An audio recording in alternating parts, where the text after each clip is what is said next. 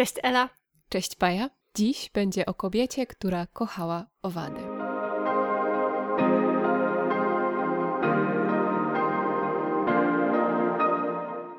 Cześć w kolejnym odcinku naszego podcastu. Bardzo się cieszymy, że z nami jesteście, bo mamy dla Was wyjątkowy odcinek, który powstał we współpracy z wydawnictwem Relacja.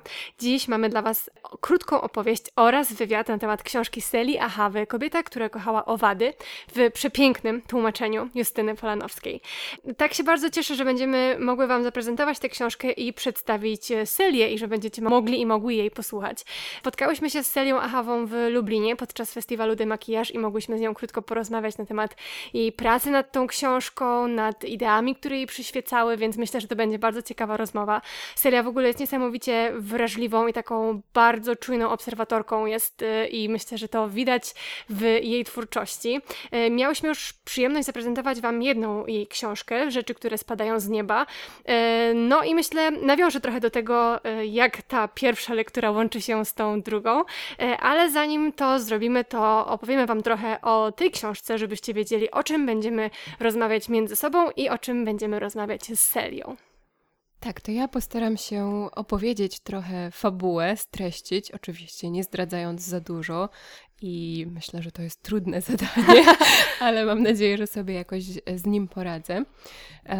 Kobieta, która kochała owady, czyli właśnie nasza tytułowa bohaterka, e, ma na imię Maria i e, można powiedzieć, że jest wzorowana na postaci historycznej Marii Sybili Merian, e, która właśnie, jak wskazuje tytuł, zajmowała się w swoim życiu badaniem owadów. Więc tutaj Śledzimy, oczywiście to jest fabularyzowana historia, to jest powieść, i śledzimy losy tej bohaterki, e, to jak rozwija się jej e, fascynacja owadami, e, ale też jak ona rozwija się jako kobieta, jako osoba, jak dorasta, jak zaczyna pojmować relacje w swojej rodzinie, jak te relacje ulegają też zmianie i jak jej życie się przekształca. Później jako dorosła osoba, jak buduje, tworzy własną rodzinę, to też myślę, że jest bardzo ciekawe ciekawa e, kwestia, o której bym chciała Wam trochę poopowiadać. No ale ciągle w, w centrum jej zainteresowania są te owady. Oczywiście akcja książki zaczyna się w XVII wieku. E, jest to powieść historyczna, więc e, Maria w swojej pracy mierzy się z wszystkimi ograniczeniami związanymi ze swoją płcią, które były nakładane na kobiety, więc mierzy się z faktem, że mm, trudniej jej zdobywać edukację, że nikt jej badań nie traktuje poważnie, e, że nikt za bardzo nie chce jej słuchać, no i też, że jej rola w, w rodzinie, w społeczeństwie jest postrzegana zupełnie inaczej, nie jako naukowczyni, badaczki, kogoś, kto jest stworzony do tego, żeby poświęcić się właśnie nauce, obserwacji, analizie świata, tylko kogoś, kto powinien zajmować się bardziej domowymi i rodzinnymi sprawami. E, no więc tutaj mamy oczywiście ten e, taki problem, z którym e, przez e, cały czas się bohaterka mierzy. No i tutaj myślę, dochodzimy do bardzo ciekawej rzeczy, bardzo ciekawego zabiegu w tej powieści. E, to znaczy do tego, że Maria jest postacią, która żyje nieprawdopodobnie długo i która jakimś sposobem to nie jest właściwie istotne i to nie jest wyjaśnione, dlaczego tak się dzieje, ale ona żyje, tak jak usłyszycie, 370 lat i obserwuje właśnie te zmieniające się epoki, może doświadczyć e, przyszłości, zobaczyć jak te, te owady będą e, i ich e, życie będzie wyglądało w, w dalszych epokach, aż do momentu, kiedy dojdziemy właściwie do współczesności, ale tu już nie będę Wam więcej zdradzać, tylko, tylko tyle. No i tak, myślę, że w skrócie tak można powiedzieć, o czym jest ta książka. A teraz ważniejsze pytanie, o czym ta książka jest dla Ciebie, co dla Ciebie paju jest mniej najważniejsze. Y, już trochę Wam powiedziałam y, o tej takim połączeniu między tymi dwiema książkami Seli Ahawy, które czytałam i już właśnie przy pierwszej lekturze tej pierwszej książki, która również układa, ukazała się nakładem wydawnictwa Relacja, mm, ja zauważyłam, że Celia Ahawa jest niesamowicie czułą obserwatorką, co w ogóle biorąc pod uwagę fakt, o czym jest jej najnowsza mm -hmm. książka, y, jest dosyć zabawne i też oczywiście niesamowicie pasuje.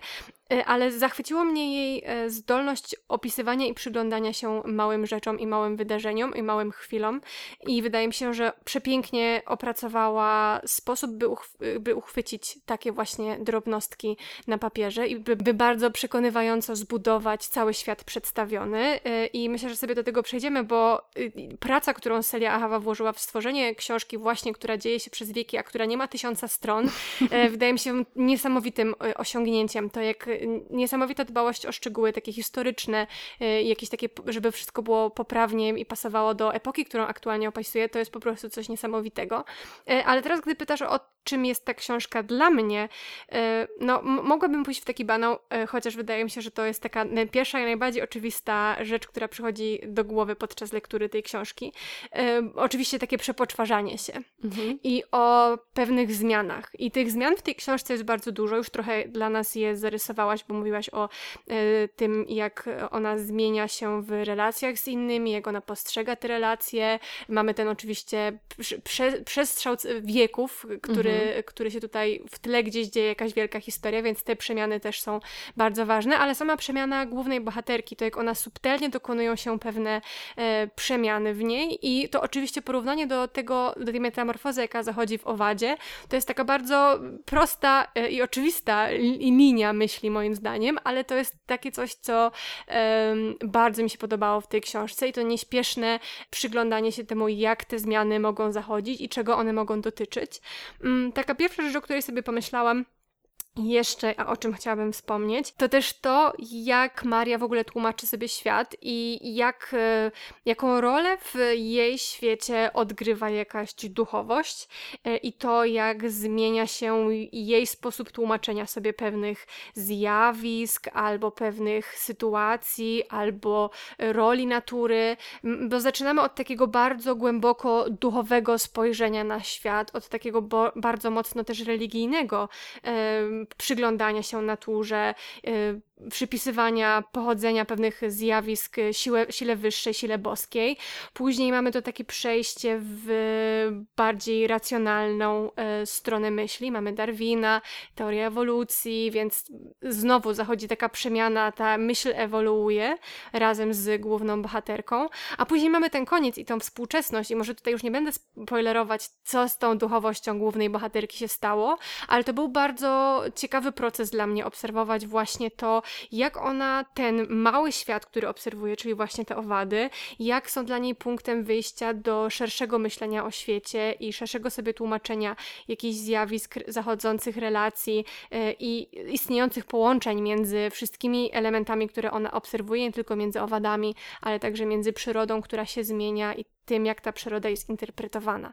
Więc y, nie wiem, czy w sumie odpowiedziałam na Twoje pytanie, ale to jest y, takie, takie znaczenie, ta, ta metamorfoza y, mhm. i w różnych aspektach, którą sobie tą metamorfozę w tej książce można dostrzegać, bo oczywiście nie poruszam ani też tego, co Ty zarysowałaś, tej pięknej, tej, tej, tego, kim jest ta kobieta w świecie i jak to się zmienia i tak dalej, i tak dalej. Więc tych metamorfoz w tej książce, znowu to jest bardzo cienka książka, jest całkiem sporo. A dla, czym dla Ciebie jest ta książka?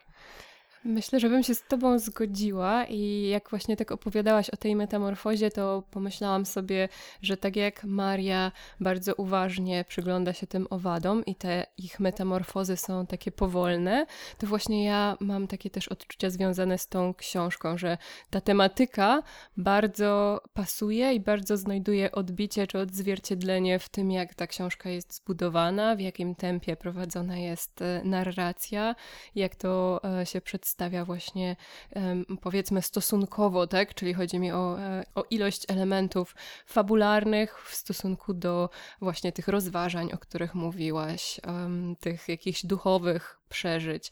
I to jest naprawdę niesamowicie zrobione, czyli że w, czytając, my też zagłębiamy się w tym świecie, który jest taki bardzo szczegółowy, który jest dosyć powolny, bo myślę, że tak bym określiła tę powieść. Ona jest piękna i jest powolna i wszystko e, w niej właśnie tak e, bardzo, tak jak mówisz, Na wszystko subtelnie. czas, tak, prawda? Tak, tak, tak, dokładnie. Wszystko przechodzi czas, I to te od zmiany. Nas, czytelników I czytelniczek mhm. zależy, jak uważnie będziemy śledzić te obserwacje i te zmiany, prawda? Bo one są bardzo subtelne. Tak, więc y, ja chciałam zwrócić uwagę właśnie na to powiązanie pomiędzy tematyką a tym, jak ta książka wygląda, jaki ma kształt.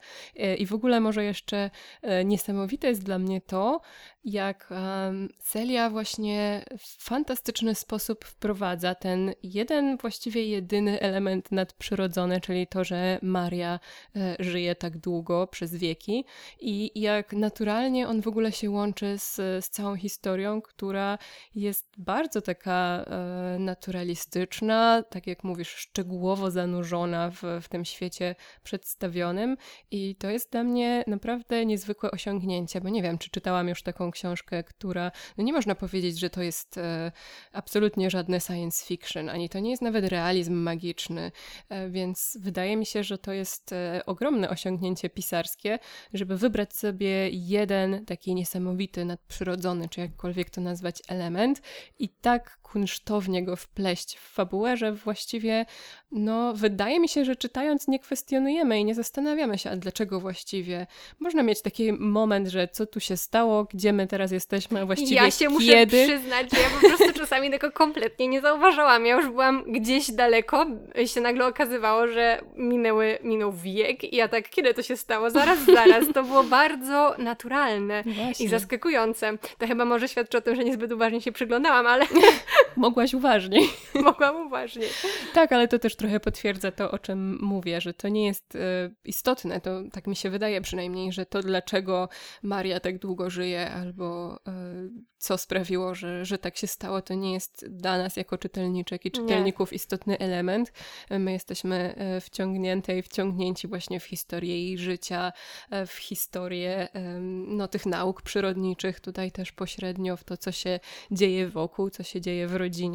E, no i to jest niesamowite, jak to zostało zrobione. No i dla mnie jeszcze tak na marginesie chciałam powiedzieć, bardzo ciekawa była tutaj kwestia macierzyństwa bo Maria też zostaje matką e, i mm, wydaje mi się, że to jest kwestia, która ostatnio coraz bardziej mnie ciekawi i jakoś tak szukam tego e, różnego macierzyństwa i różnych jego aspektów i różnych podejść do macierzyństwa w książkach, czy to w literaturze faktu, czy w literaturze pięknej.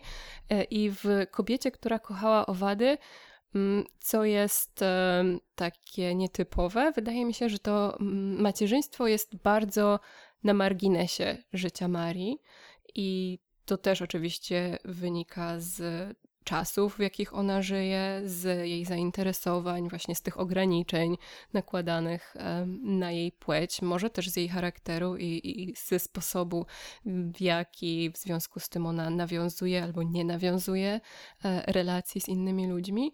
No więc to nie jest e, centralny element jej życia, to też nie jest centralny element tej powieści, ale właśnie ta jego marginalność była czymś, co mnie, co mnie zainteresowało. Ta e, relacja z córką, która właściwie można by się zastanawiać, czy ona istnieje.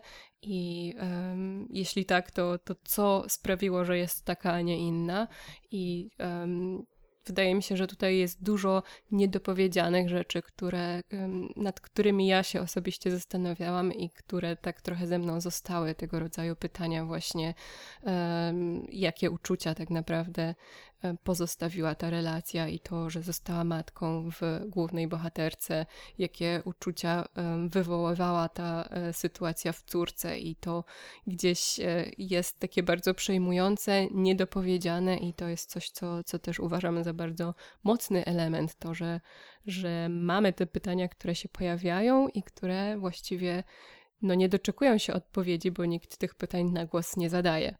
To bardzo ciekawe, bo teraz y, tak Cię słucham bardzo uważnie i zastanawiam się w ogóle nad innymi postaciami w tej książce, bo jednak no nie można mm, powiedzieć, że Maria jest samotna, bo otaczają ją różne mhm. osoby, czy to rodzina, mówiłaś tak pięknie o tej relacji z córką i tego, tym, o tym, jak ona wygląda, czy właściwie jest, czy jej nie ma, ale jest też mąż, e, jest też babcia, są też inne kobiety naukowczynie, które gdzieś się pojawiają, ale tak naprawdę Maria wiedzie bardzo samotnicze życie tak. i to też jest taka książka, wydaje mi się, o samotności mhm. i o pewnego rodzaju wyalienowaniu i o pewnego rodzaju takim e, odcięciu, które następuje na wiele różnych sposobów nie tylko dlatego, że Maria zajmuje się rzeczami, które początkowo nie przystoją kobiecie, które uważane są za niekobiece zajęcia, e, ale ta alienacja następuje na wiele różnych sposobów i to odcięcie się od społeczności, od jakichś mniejszych relacji, no, następuje na wielu różnych poziomach i to też jest bardzo ciekawa kwestia tego, jak to osamotnienie e, się przejawia i tutaj w tej książce jest moment prawdziwej relacji i prawdziwego mhm. spotkania, mhm. bardzo piękny zresztą, pod sam koniec.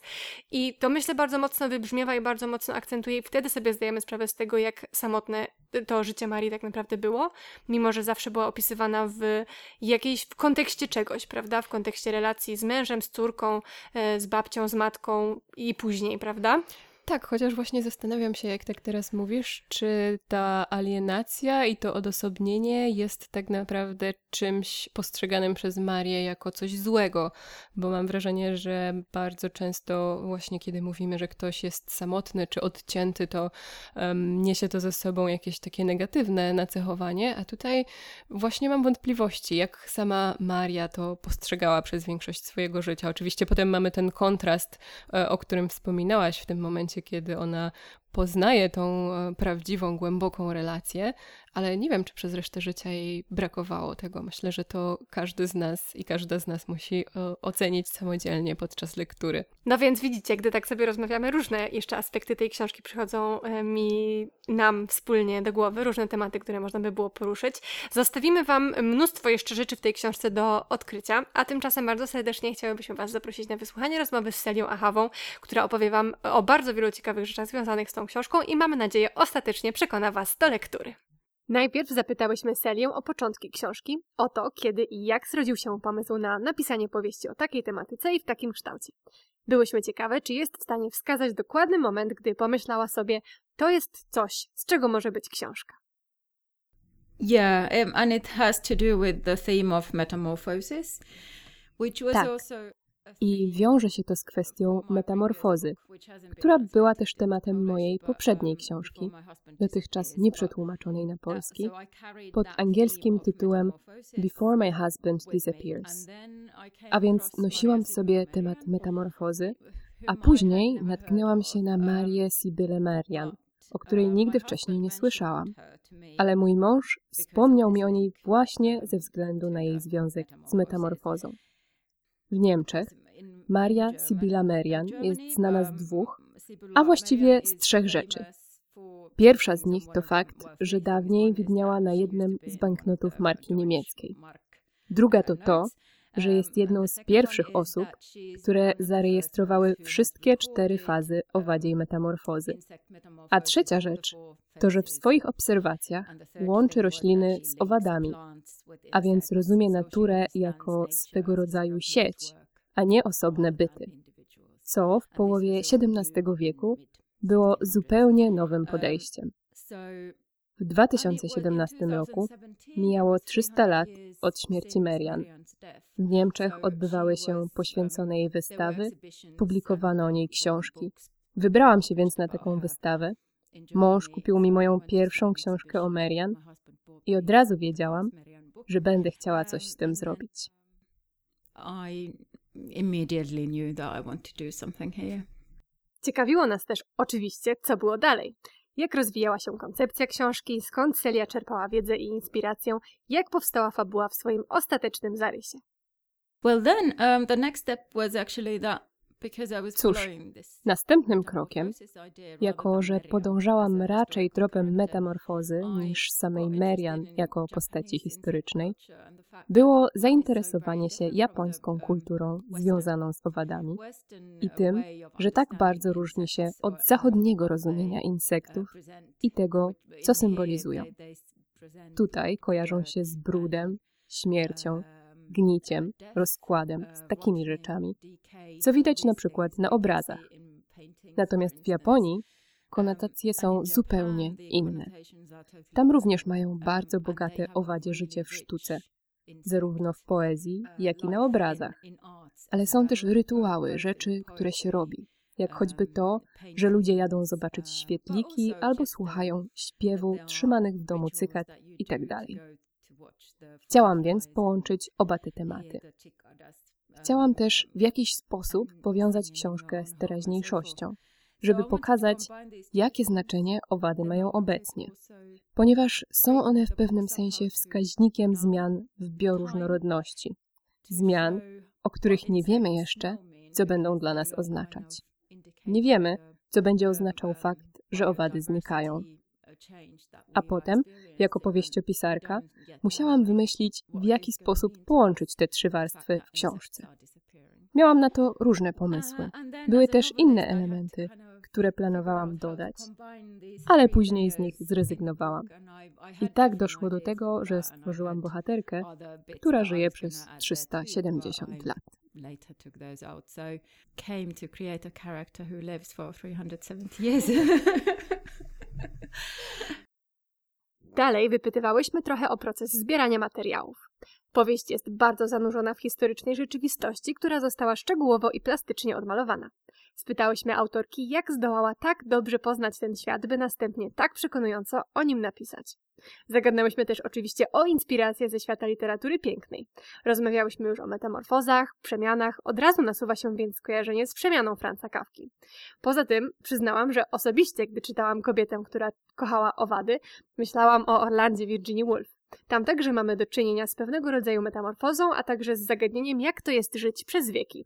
Chciałyśmy więc wiedzieć, czy Celia inspirowała się również jakimiś dziełami typowo literackimi. Well, I, as you probably can feel, I did a lot of background work for the book. Cóż, jak pewnie można wyczuć, w ciągu całego procesu pracy nad książką prowadziłam badania i dociekania. Jeśli chodzi o kawkowską przemianę, była to jedna z tych rzeczy, które próbowałam wpasować do tekstu. Zależało mi na tym, posłyszałam, jak pewna japońska pisarka, która przetłumaczyła przemianę na japoński, mówi, że była ona bardzo trudna do przełożenia pod względem kulturowym, ponieważ w japońskiej kulturze brakuje tego przeświadczenia, że żuk czy karaluch to coś obrzydliwego. A jeśli nie ma się tej idei w swojej kulturze, wówczas cały kawkowski zamysł staje się problematyczny i niezrozumiały. Uznałam, że to wspaniałe. Próbowałam również to zawrzeć w swojej opowieści, ale później się poddałam. Na drodze stanęły mi moje ograniczenia językowe itd. Tak ale faktycznie czytałam Virginia Woolf. Choć przyznam, że początkowo w ogóle nie myślałam o Orlandzie, tego powiązania dokonałam dopiero w trakcie pisania. Gdybym zauważyła je wcześniej, może trochę bardziej pobawiłabym się tą koncepcją. Ale w takiej sytuacji Faktycznie, obie postaci żyją mniej więcej tyle samo. Między Orlando a moją Marią jest chyba 30 lat różnicy, gdy chodzi o długość życia. Rozważałam też koncepcję zmiany płci, ale z niej zrezygnowałam. Więc tak, myślę, że gdybym wcześniej miała w głowie ten punkt odniesienia, pozwoliłabym sobie na dużo, dużo więcej zabawy na tym polu. Oprócz tego, ze względów praktycznych, przeczytałam też mnóstwo książek, których akcja po prostu dzieje się w połowie XVII wieku, żeby dowiedzieć się czegoś o ówczesnej rzeczywistości. Obejrzałam też mnóstwo obrazów. Chodziłam do niemieckich muzeów po to tylko, by zobaczyć, jakie miano wtedy meble, czy w oknach były szyby, czy były zasłony, czy podłogi były drewniane, czy wyłożone kafelkami, tego typu szczegóły. Bo te wszystkie wnętrza w różnych stuleciach i różnych krajach to coś, czego nie mogę znać z własnego doświadczenia. Opierałam się więc, tak, musiałam zaufać innym. A potem, już pod koniec procesu pisarskiego, trafiłam na książkę pod tytułem Seabold's Daughter, której akcja dzieje się w XIX-wiecznej Japonii i która jest biografią pierwszej japońskiej lekarki, żyjącej w Japonii innymi w latach 90. XIX wieku i będącej niezwykle fascynującą postacią. Ta pozycja stała się jednym ze źródeł dla japońskiego epizodu w mojej powieści. Natomiast jeśli chodzi o Lafcadia Herna, czyli mężczyznę, którego Maria spotyka na statku w drodze powrotnej, pod koniec XIX wieku gromadził on w Japonii wiersze i w ogóle literaturę dotyczącą owadów, po czym tłumaczył ją na angielski. Więc korzystałam też z jego dzieł. Tak więc wiele historii, z którymi styka się Maria, tych dotyczących cykat, świetlików itd., pochodzi z jego publikacji. To dość fascynujące, bo gdy teraz patrzę na moją powieść, mogę niemal zdanie po zdaniu wskazać, skąd te elementy ukradłam. Bo sama ich nie wymyśliłam. Większość została skądś zapożyczona, co miało również wpływ na proces pisarski, który był bardzo powolny. W grę wchodziło mnóstwo szczegółów. Przypomina to trochę postawę, jaką Maria przyjmuje względem obserwacji owadów. Wszystko jest bardzo małe, wymaga ostrożności, zwracania uwagi na detale i okropnie długo trwa. Tak więc, co do tych wszystkich wyobrażeń, że autorka łapie flow i po prostu pisze, ja w ogóle tego nie doświadczyłam. Ale wydaje mi się, że tego nie widać. Tekstowi nie brakuje płynności. Jednak sam proces był bardzo pracochłonny. all through the process. But the text isn't missing flow, but the, it was laborious. Chciałyśmy również porozmawiać chwilę o głównej bohaterce i o innych kobiecych postaciach, które pojawiają się na kartach książki.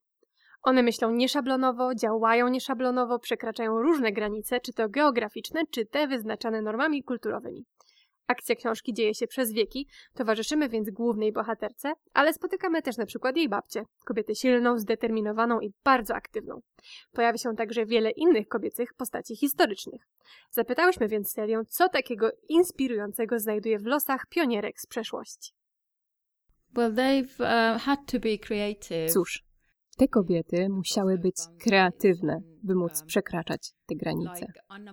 Na przykład Antoinette Bourignon, francuska, można powiedzieć, mistyczka i prorokini, żyjąca w XVII wieku, wiedziała, że niebezpiecznie jest przyznać, że sama pisze swoje książki. Dlatego twierdziła, że jest niepiśmienna i że te słowa po prostu przepływają przez nią, a pochodzą bezpośrednio od Boga. Więc wszystko jest w porządku. Ona była tylko przekazicielką. Później, gdy jej rękopisy poddano badaniom, ustalono bez cienia wątpliwości, że starannie je redagowała, co oznacza, że była jak najbardziej piśmienna, że sama oczywiście też potrafiła tworzyć. Założony przez nią ruch religijny był nawet w posiadaniu własnej prasy drukarskiej, co uważam za wspaniały szczegół. Ale padły też na nią podejrzenia o czary, dlatego musiała stale się przemieszczać, bo sytuacja zrobiła się dla niej niebezpieczna. Mimo wszystko jest to jeden z przykładów takiej kreatywności. Anna Maria von Schurman była bardzo dobrze wykształconą arystokratką, która mówiła czternastoma językami i korespondowała o teologii po łacinie z kilkoma ważnymi mężczyznami z całej Europy.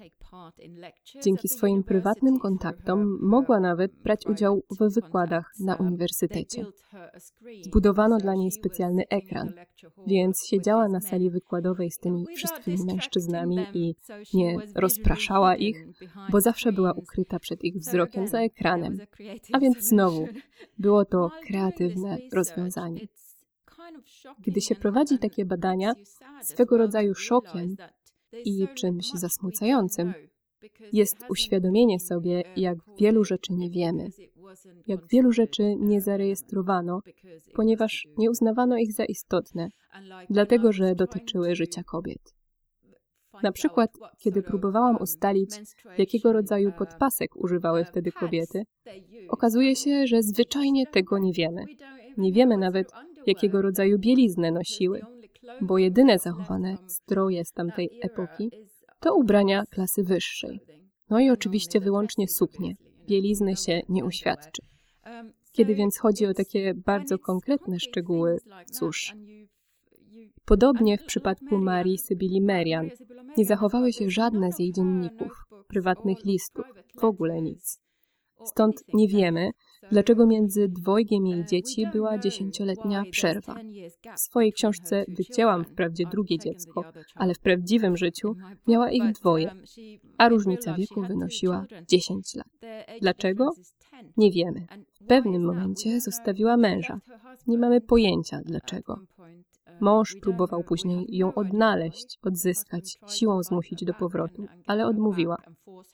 Zdarzają się więc ogromne luki w naszej wiedzy. I to jest bardzo smutne. Sporo rozmawiałyśmy o owadach i o tym, jak postrzegane są w różnych kulturach, a także o obserwacjach, których dokonuje główna bohaterka i o jej podejściu do natury. Na koniec my również chciałyśmy przejść do teraźniejszości. Zapytałyśmy więc Celię, czy uważa swoją powieść za swego rodzaju manifest, biorąc pod uwagę to, jak dziś traktujemy naturę, to, że wciąż nie przyglądamy jej się uważnie. Czy kobieta, która kochała owady, niesie tego rodzaju przesłanie? Wzywa do uważniejszego spojrzenia, jakim charakteryzowała się Maria Sibylla Merian? Można to w taki sposób odczytać, tak. Osobiście nie jestem szczególnie zainteresowana książkami, które niosą tego rodzaju jasne komunikaty. Myślę, że moja powieść opisuje raczej proces, w wyniku którego znaleźliśmy się w punkcie, w którym obecnie jesteśmy. I to, jak to się stało, że dziś wciąż tak niewiele wiemy o owadach, bo nikogo one nie interesują. Biologów i biolożki ciekawią molekuły, inżynieria genetyczna itd., tak ale brakuje badaczy i badaczek, którzy poświęciliby uwagę owadom. Tymczasem fakt, że istnieją dowody wskazujące, że być może, na przykład w Niemczech, w ciągu ostatnich 30 lat zniknęło 80% masy owadów, jest bardzo szokujący. Skoro coś takiego się wydarzyło, a my mamy tak niewielką tego świadomość i nie wiemy, co to będzie w przyszłości oznaczać dla produkcji żywności, bo chociażby to, że tracimy owady zapylające, będzie miało wstrząsający wpływ na produkcję żywności. Więc myślę, że ten brak zainteresowania przypomina to trochę postawę, którą Maria opisuje na wczesnym etapie swojego życia. To, że ludzi interesują jedynie duże, głośne, kolorowe rzeczy. Chcą mieć głowę tygrysa na ścianie i pawie pióra, ale nie zwracają uwagi na drobne rzeczy. Myślę, że to wciąż dość aktualna obserwacja. pretty relevant observations still. Yeah. Bardzo dziękujemy Seli za rozmowę i za to, że miałyśmy możliwość zadać jej te wszystkie nasze pytania. Dziękujemy też wydawnictwu Relacja za książkę, za umożliwienie nam tego spotkania i za współpracę w tym odcinku. No i mamy nadzieję, że dobrze Wam się słuchało, że zdołałyśmy wspólnie z autorką Was zaciekawić i skłonić do sięgnięcia po tę pozycję. Jeśli macie ją już za sobą, e, to jak zwykle bardzo chętnie przeczytamy Wasze komentarze na naszych mediach społecznościowych. Bardzo serdecznie zapraszamy i do usłyszenia za tydzień. Do usłyszenia.